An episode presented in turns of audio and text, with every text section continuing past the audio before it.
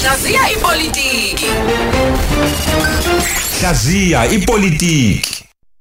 Sibingelele nje wonke ke imboni emateksini hayi babodwa bangafuni uku- ukubala imali babodwa bathi hey hayi hayi mhm ndiyaphambili kaloko Eh, ngiyazi ukuthi lapha komaphumulo insizwa eh, emarenki lapha ko Durban Station go show ngiyazi usihle usiphephela umfoka mlotshwa ulapha ke kwamaphumulo usilalele njengamanje na zonke insizwa eh, eyisembonini. Sithi ke hlaziya ezepolitiki nonhlanhla umfoka mtaka mfoka noma Jalimane sikubingelele ekseni kuKhosi FM abendlovu benamandla enhla ngasezantsi siyabingelela dadewethu Njengomhlaziyi wezepolitiki awukusihlaziyelela ukuthi uthini uma uthi sesiphumile isigwebo umlayezo kulabo ke abajezisiwe nabaklonyelisiwe asiqale dadewethu sibabonga abantu baseningizimu afrika ukuthi baphumile bayovota noma ngabe bavotele bani.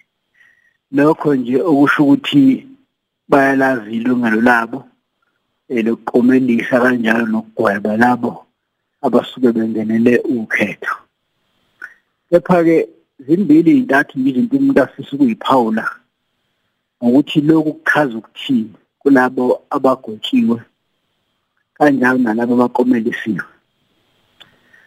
Mhlawumbe ngiqale ngithi nje uma beneqiniso labo abakonelisiwe bazokutshena ukuthi empeleni le ngokukade bekhuluma ngazo ngeyiqale manje ngoba wonke umkhandlu usunayo ibudget usho isabelo mali sesikhona.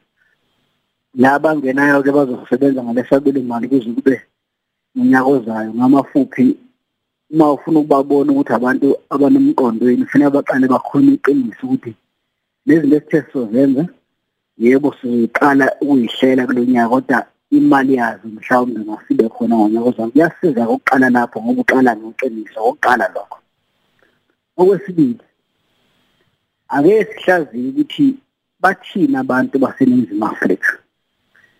Mhlawumbe ngiqale ngilungise imemo ngoba khona imemo ekhuluma ngamaqembu epolitiki la ngaphandle nabaholi bayo.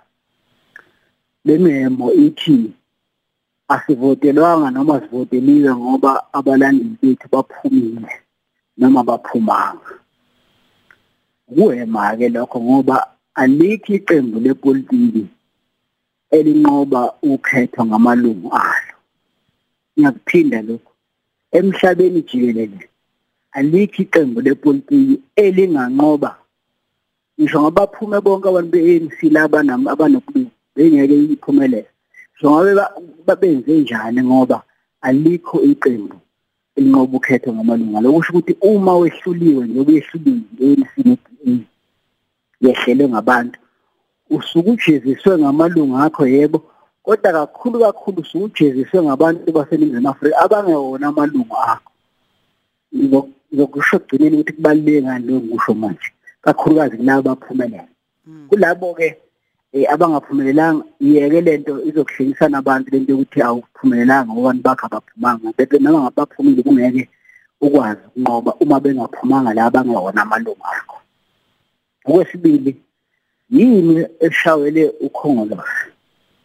Ukhongolose angazi ukuthi uma uhleli muxoxa ukuthi ushawele inyoni kodwa ngizwa sekwanda ukukhuluma ukuthi hayi abantu bethu abaphumanga cha ushawele yinto embili ikhongolose uma naningatshenana futhi anithandani ukushinga nokudakwa umbuso ANC ushawele ukushinga nokudakwa umbuso siyokuchaza ngelinye ilanga ukuthi ukushinga yini kodwa ukudakwa umbuso yilokho ukuthi uthethe bese uphatha abantu engazi ukuthi abanamqondo wena wedwa owaziyo. Bese bathi bekuphathise umbuso bese udakwa umbuso ungawuphathi kahle. Nishawele lokho uma ningalungisa ngidaba lokushinga nokudakwa umbuso uma niyobuye nibuye futhi um ningakwazi ukuthi niyilungise ku-DA i-DA dadewethu ngoba ngizokhuluma ngamaqembu aphezulu i-DA ishawe nje into ey'mbili ey'ntathu eyokuqala ishawe ukuthi ngokomlando i-DA ngiyamangisi namajuda.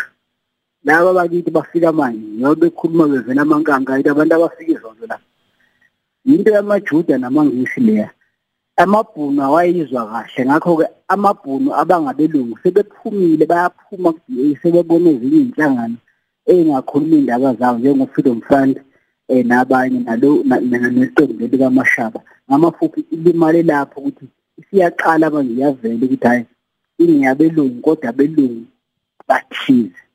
Okwesibili kodaba lwamashaba bukhona ubufakazi bokuthi eh ukubuya kwamashaba eh abe neqembu kubalimazela bediki kanti lapho kwaZulu Natal ukuhleleka kwe-National Freedom Party kwenze ADA eyayike yabathola abantu be-NFP ingasabathola ngoba sebebuyele emakubo.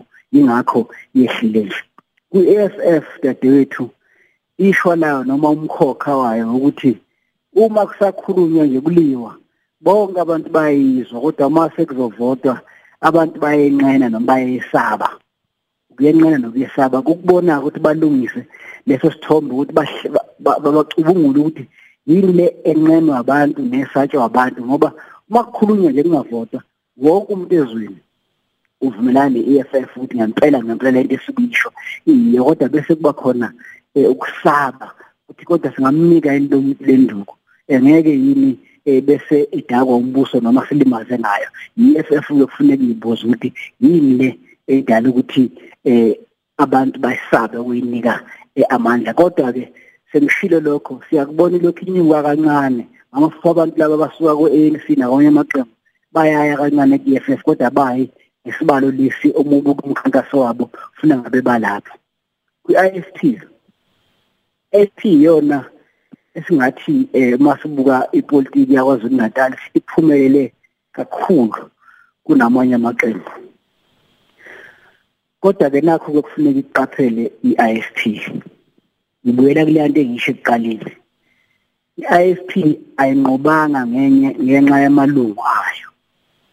Ngithe eqaleni alikho iqembu elinganqoba ukhetho ngenxa yamalungu ayo. i-IFP inqobe ngenxa ukuthi abantu baseningizimu Afrika abangewona amalungu ayo bengeze kumalungu ayo zase zikhuphuka ibalo.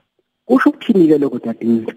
Kusho ukuthi ke njengoba isiphumelele i-IFP kwenzeke lokho kuthiwa masikhuluma isingisi sepolitiki abantu babalekele ababaleki political refugee camp futhi baye enkambini yokubaleka babalekela ukudakwa umbuso kwakhongolose babalekela i-DA abangayizwa kahle babalekela i-EFF abangayikhiphi base bebalekela kwinkatha inkinga ke yabantu abasuke bebaleka ukuthi uma beke bazinza bayahlupha. Uma ulalela lapha kuthiwa abantu babalekile emazweni abo bafakwa enkambini ethize bafika bebaleka omunye ubalekela ucelembe omunye ubalekela isigama omunye ubalekela kodwa uma beke bahlala ngendaweni base bethi kuzinza badala ukukhuluma ngamafuphi kufuneka i-IFP iqaphele ukuthi njengoba inikwe nje amandla ayinikwanga amalungu ayo. Kufuneke ke manje uma isikhuluma noma yenza umholi wayo noma amalungu ayo noma imeya zayo zikwazi ukuthi ayisakwazi ukukhuluma kuphela ulimi lwe-IFP kodwa ikhuluma ulimi labantu baseningizimu Afrika ngoba uzothola ukuthi kule nkambu le kulabantu abavotele i-IFP abaningi akubona amalungu. Ngakho ke uzobe uyayilimaza uma ngenza ukuthi ukhulume namalungu. Akho kuphela ungasakhuluma nalaba iy'nkumbi lezi ezikuvotele. Bazosuke base ukuthi uma sekuvotwa eminyakeni emibili ezayo babaleke futhi baye kwabanye. Uma ufuna ukubabamba kwazi ukuhlukanisa ukukhuluma nabo. Njengamalungu eqembu kanye njengabantu baseningizimu Afrika. Lezi zinto dadewethu engicabanga ukuthi lamaqembu kufuneka ibheke kodwa okwenzekile njengoba ngisho nje indaba eqale eqenjini elibusayo ukhongolose odaka umbuso washila. Abantu bafuduka baya emaqenjini la baye kona kodwa iminyaka mibili nje kuphela bonke labantu abahluliwe nabaphumelele mbili iminyaka abaseningizimu Afrika banibhekile emidlawo eminyaka emibili sizoya ekhulumeni kaze lonke lasobezivota khona. Umuke wenza iphutha ngonyaka wokuqala khohlwa kule minyaka ezayo ngithi kufuneke laba abahluliwe bayinuka amakhwapha bayeke ukushinga nokudakwa umbuso laba be-DA bayibona ukuthi bayabafaka yena abanye belungu oseyobalekela i-EFF njengoba kushilo ibheke ukuthi yini le lethi njalo uma siyiqomile intombi kodwa uma sekuthiwa kuyondlalwa besibaleka yini le ehlupha i-EFF kodwa kokugcina IFP khumbula ungabe usuyithwala awuvotelwanga ngamalungu akho kuphela uvotelwe ngababaleki abavela kwamanye amaqembu. Ukulimi lwakho alingabe seluba inkatha kuphela alube futhi ulimi labantu baseningizimu Afrika abakuvotele bengewona amalungu akho. Kakhulu eh mfowabo nomajalimane konje mhlawumbe ke kuyibayede bazokwazi ukuthi baqhubeke balithola ulwazi. Njengoba siqeda nje lapha singangena siphinde silixoxe eh, silichaze kabanzi ukuthi sisho ukuthini ngoba njengoba ngisho ukuthi oke wenza iphutha kulonyaka eh, uphandle ngo-2024 oqamba amanga wangasho ukuthi ayikho imali kwamanje bazongonyaka ozayo uzowuthola ingcindezi abantu abathi besikuvotele ngoba sifuna ukuthi asiyiqhubezeni udaba nabanye baqhamukene embono yabo Le yivuka Africa Breakfast Show. ukhosi FM Hamba phambili. phambili